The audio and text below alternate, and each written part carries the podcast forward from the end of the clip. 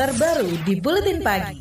Mayoritas publik mendukung penerbitan peraturan pemerintah pengganti undang-undang atau Perpu Komisi Pemberantasan Korupsi KPK. Riset Lembaga Survei Indonesia atau LSI mencatat 75 persen lebih responden mendukung Presiden Joko Widodo mengeluarkan Perpu. Direktur Eksekutif LSI Jayadi Hanan mengatakan publik menentang revisi Undang-Undang KPK karena dinilai melemahkan lembaga anti rasuah itu. Sikap ini juga didorong rendahnya kepercayaan publik terhadap kinerja DPR. Kalau yang lembaga lain kan selalu di atas 60 persen, seperti KPK, bahkan TNI, KPK, eh, kemudian Presiden tuh selalu sering di atas 80 tingkat kepercayaan publik. Nah DPR itu kan tingkat kepercayaan masyarakat cuma 40 persen, jauh sekali. Ini kan negatif kalau 40. Direktur Eksekutif LSI Jayadi Hanan juga menambahkan, Sebagian besar masyarakat mendukung aksi demonstrasi mahasiswa di depan gedung DPR akhir September lalu. Aksi tersebut juga menentang pengesahan sejumlah rancangan undang-undang kontroversial, salah satunya revisi Undang-Undang KPK. Survei menunjukkan masyarakat tidak melihat aksi itu untuk menggulingkan pemerintahan. Jika Jokowi bersedia menerbitkan Perpu, maka tingkat kepercayaan masyarakat kepada pemerintah akan meningkat. LSM Anti Korupsi ICW mendesak Presiden Jokowi menerbitkan perpu untuk membatalkan Undang-Undang KPK hasil revisi. Lewat pembatalan ini maka Undang-Undang KPK nomor 30 tahun 2002 kembali berlaku. Peneliti ICW Kurnia Ramadana mengatakan poin-poin perubahan Undang-Undang KPK melemahkan kinerja pemberantasan korupsi, di antaranya soal pembentukan Dewan Pengawas, aturan penyadapan status pegawai KPK, dan wewenang penghentian perkara kemarin sempat terjadi stagnan dan saat ini di peringkat 89 dengan skor 38, bisa dibayangkan bagaimana ketika KPK tidak lagi bisa menindak kasus korupsi secara maksimal, ini akan berimplikasi pada indeks persepsi korupsi dan akan mencoreng wajah Indonesia di mata internasional. Selain dari itu, Presiden Jokowi tahun 2010 ketika menjadi wali kota Solo mendapatkan penghargaan Bung Hatta Anti Corruption Award dan jika perpu ini tidak juga diakomodir oleh Presiden, maka kita usul penghargaan baca atau Bung Hatta Anti Corruption Award kepada Jokowi Joko Widodo untuk segera dicabut. Itu tadi peneliti ICW Kurnia Ramadana. Istana Kepresidenan menyebut penerbitan Perpu KPK sebagai keputusan yang sulit untuk Presiden Jokowi.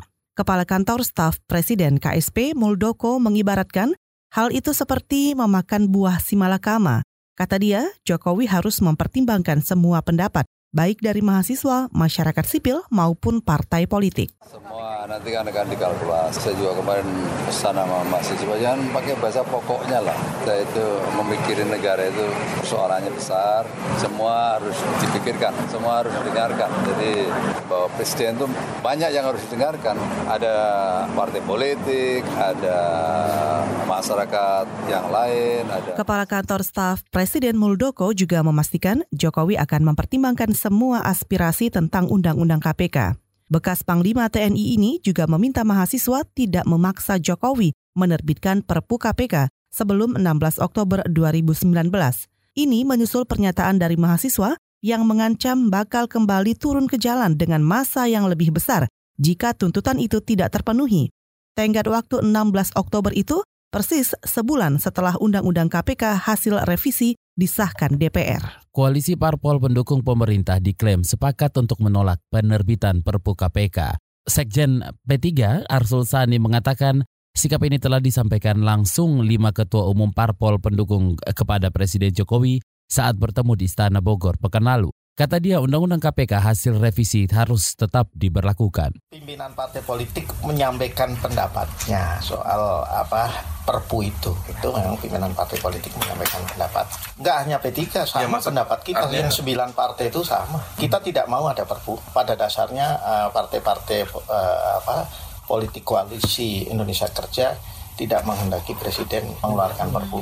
Itu tadi Sekjen P3 Arsul Sani. Sikap senada diutarakan Ketua Umum Partai Nasdem Surya Paloh. Surya menyebut Perpu tidak perlu diterbitkan karena tengah berlangsung uji materi di Mahkamah Konstitusi. Kata Surya, Presiden Jokowi bisa dimakzulkan jika menerbitkan Perpu. Pengamat politik LIPI Syamsuddin Haris menyarankan waktu yang tepat untuk menerbitkan Perpu KPK yakni usai Jokowi dilantik sebagai presiden pada 20 Oktober.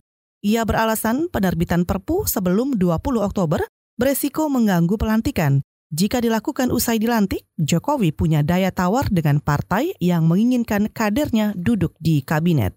Menurut saya dengan kekuatan leadership yang dia miliki, dengan kewenangan konstitusional yang dia miliki, dengan kekuatan dukungan publik yang presiden miliki, dengan kekuatan kapasitas kelembagaan yang dimiliki oleh eksekutif di presiden, partai-partai itu tidak akan terlalu banyak bermasalah. Kenapa? Karena semua partai sekarang itu merasa perlu berada di kabinet. Anda tahu agenda jangka pendeknya kan pemilu 2024. Semua merasa lebih pas akan lebih menguntungkan kalau mereka memiliki posisi di kabinet kan itu akan lebih memudahkan konsolidasi partai-partai ke depan.